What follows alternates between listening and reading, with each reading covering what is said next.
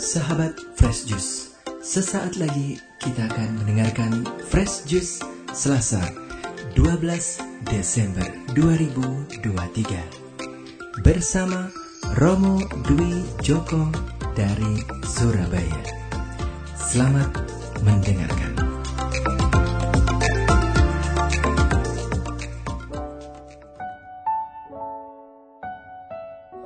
Para sahabat Fresh Juice yang terkasih, selamat pagi. Selamat berjumpa kembali. Salam damai dalam kasih Tuhan.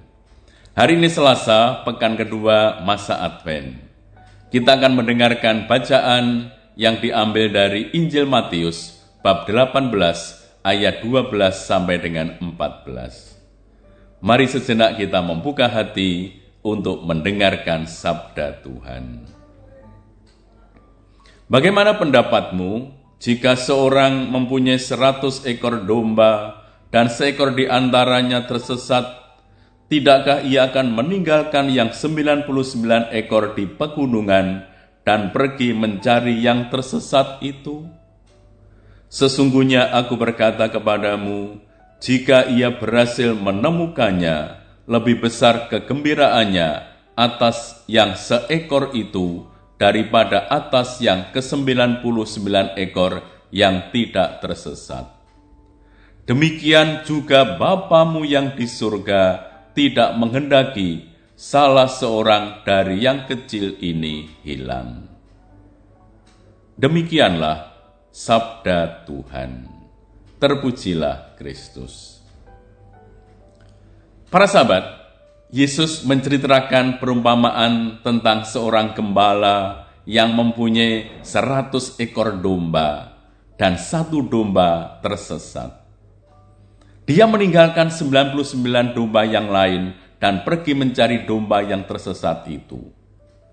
Dia tidak lagi berpikir tentang kenyamanan domba-domba yang berkumpul bersamaan di satu tempat, tetapi konsentrasi dan pusat perhatiannya terfokus pada yang hilang itu.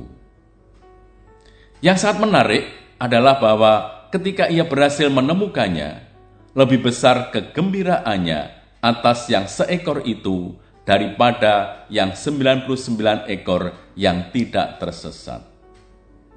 Nah, mengapa gembala yang sudah mempunyai 100 ekor domba mau mencari seekor domba yang tersesat? Sebab meskipun hanya seekor, itu sangat bernilai baginya. Seperti satu jari yang sakit menyita perhatian manusia. Demikianlah tiap pendosa terus menjadi keprihatinan Allah. Allah terus memikirkan para pendosa. Tuhan memang luar biasa. Tuhan prihatin melihat orang berdosa, sehingga dia rela memanggul salib dan mati untuk para pendosa. Perumpamaan ini berbicara pertama-tama mengenai perlunya keutuhan seluruh dombanya. Seratus itu gambaran keutuhan. Kalau satu hilang, tentu saja tidak lagi utuh. Dan Tuhan sungguh ingin supaya semua domba-dombanya, semua manusia yang dicintainya, meskipun dia jatuh dalam dosa, akhirnya kembali dalam keutuhan itu. Yang kedua, ini mengungkapkan belas kasih dan kerahiman Allah yang bahkan tidak mau kehilangan satupun dari umatnya. Masing-masing pribadi sungguh-sungguh dicintai oleh Allah dan dikendaki supaya masing-masing itu mengalami keselamatan.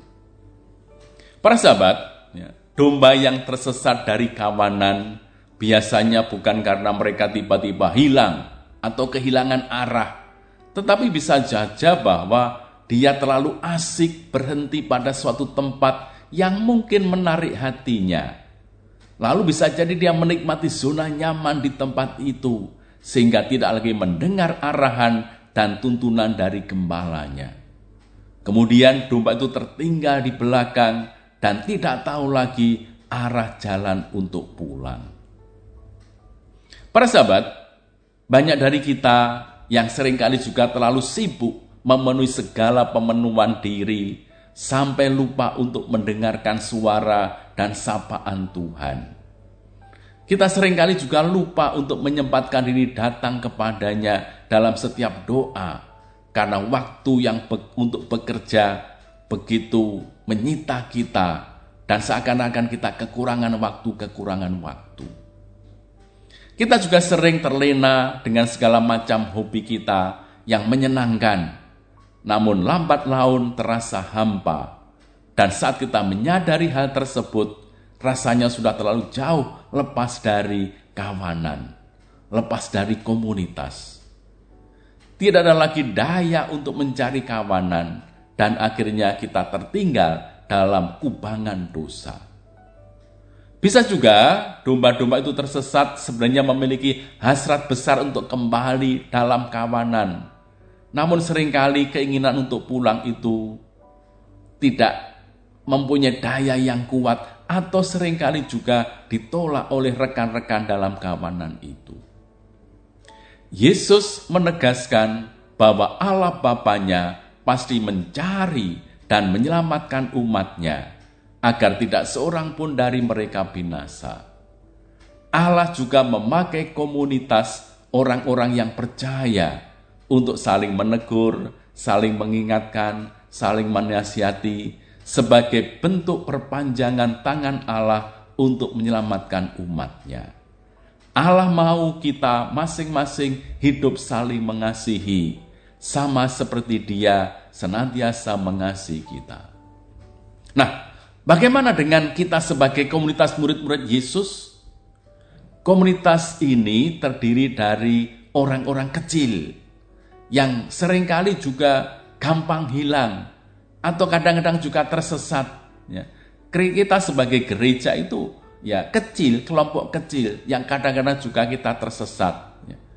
Mereka yang tersesat ya bukan hanya perlu dan harus diterima kembali, melainkan juga perlu dilindungi terhadap segala macam bahaya.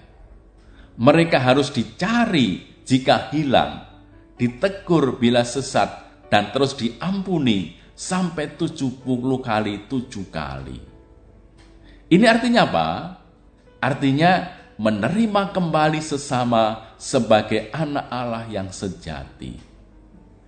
Komunitas itu semakin menguat dalam hidup persaudaraan jika keterbatasan masing-masing anggota itu bisa menjadi benih untuk semakin mempersatukan masing-masing anggota. Hanya dengan demikian, komunitas dapat menjadi sebuah komunitas kasih. Komunitas yang saling meneguhkan, saling menolong, dan saling membantu. Maka melalui perumpamaan ini pesannya sangat jelas bagi kita. Ya. Pertama, kalau kita dalam situasi sesat, kita diajak untuk bertobat, membuka hati, dan menanggapi belas kasih dan kerahiman Allah yang terus rindu untuk mencari dan menemukan kita. Kedua, bila kita berhadapan dengan saudara-saudari seiman yang sedang tersesat, kita juga perlu memiliki sifat seorang gembala yang terus mencari yang hilang dan bersuka cita bila menemukan yang hilang tersebut. Bukan malah sebaliknya bersikap acuh nyinyir, sering kali memberi pandangan yang sinis, meremehkan, atau bahkan menolak, dan sebagainya.